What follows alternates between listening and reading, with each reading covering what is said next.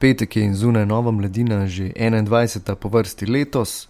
Lepo zdrav. To je izjavil Jure Trampuš, novinar mladine, ki je danes moj gost. Jaz pa sem Iza Košir, Jure, pozdravljen. V nedeljo so evropske volitve pomembna stvar. Povej, o čem je pisal Borut Mekina, tvoj kolega, ki je na terenu. Recimo, da je na terenu, e, naslovnico pa je tokrat zakrivil Franko Juri. Borči je pisal um, naslovno temo z naslovom V svoj žep najprej, oziroma American First. Kakor praviš, v nedeljo so v Sloveniji eh, prelomne evropske volitve. Nekateri govorijo, da po nedelji ne bo nikoli več tako, kot je bilo, eh, in v bistvu imajo prav.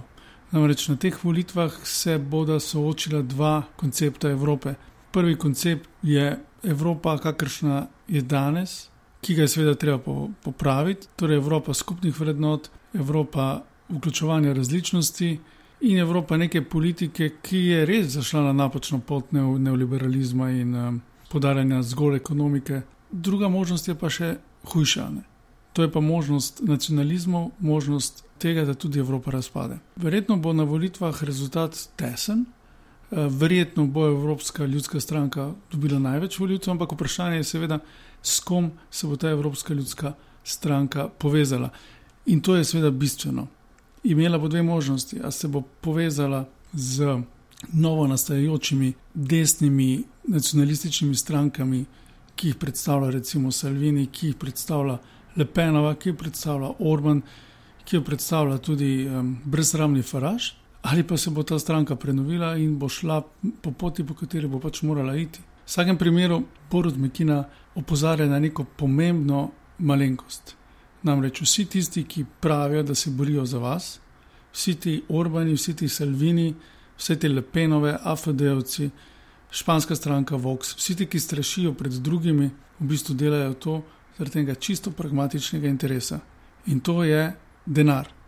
Ni to samo moč, to je pač denar. In za ta krok ljudi je dvojna morala in še posebej dvojna merila so zelo značilna.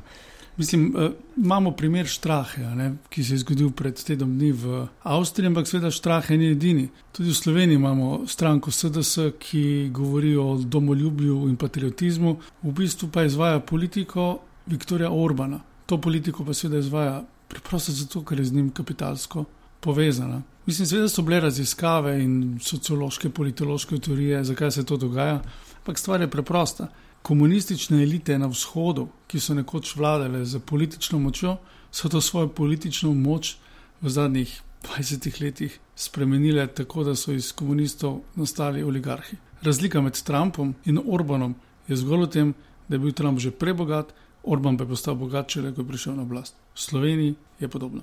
In kot je opozoril uh, urednik mladine Gregor Pož danes na Twitterju, je SDS edina stranka, ki ima v svojih vrstah med kandidati uh, kupico bivših komunistov. Ja, ali kako je opozoril Mekina, novodobni desni populisti, ki veliko govorijo o evropskem duhu in krščanskih vrednotah, imajo očitno neko nenavadno šibko točko. So materialisti. Pojdiva naprej. Eh, Slovenija, moja država, postaja Sweet Home Alabama oziroma Alabama, zvezdna država Amerike. To je tvoj članek, pisal si o, o ustavi, slovenski ustavi in nekem komentarju, ki se je znašel glede pravice do splava. Prosim, povej. Pravniki vedo, da vsake toliko časa izide pomembna pravna knjiga, ki se kliče Komentar slovenske ustave. Nekoč je to delal uh, dr. Šturum, zdaj to dela uh, Aubel. In te dni je šla pač že ne vem, tretja, četrta prenovljena različica tega komentarja. In noter je pač tudi komentiran 55. člen slovenske ustave, ki določa svobodno odločanje o rojstvu otrok. In ta komentar je popolnoma neverjeten. Kaj pa pravi ta komentar?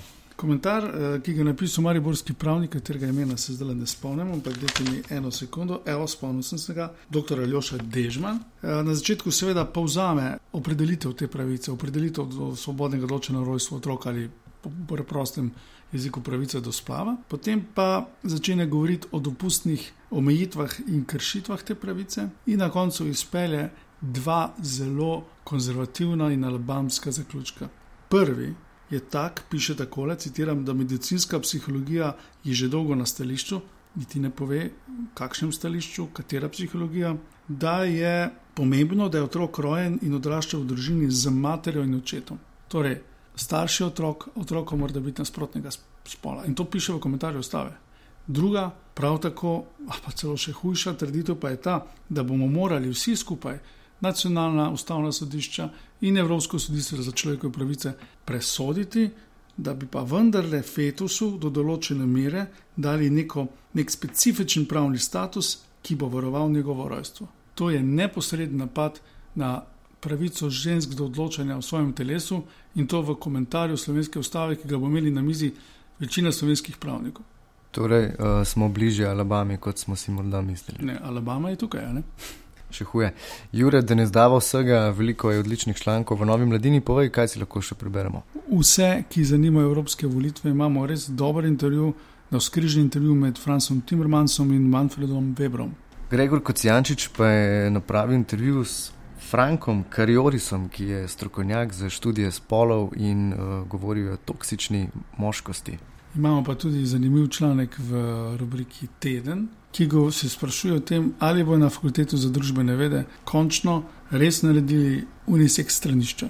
In veš kaj, Izak, takšno stranišče na nekaterih slovenskih fakultetah že obstaja. In še huje, takšna stranišča obstajajo v vsakem slovenskem domu. Tako je. Strah ima velike oči. Hvala, Jure.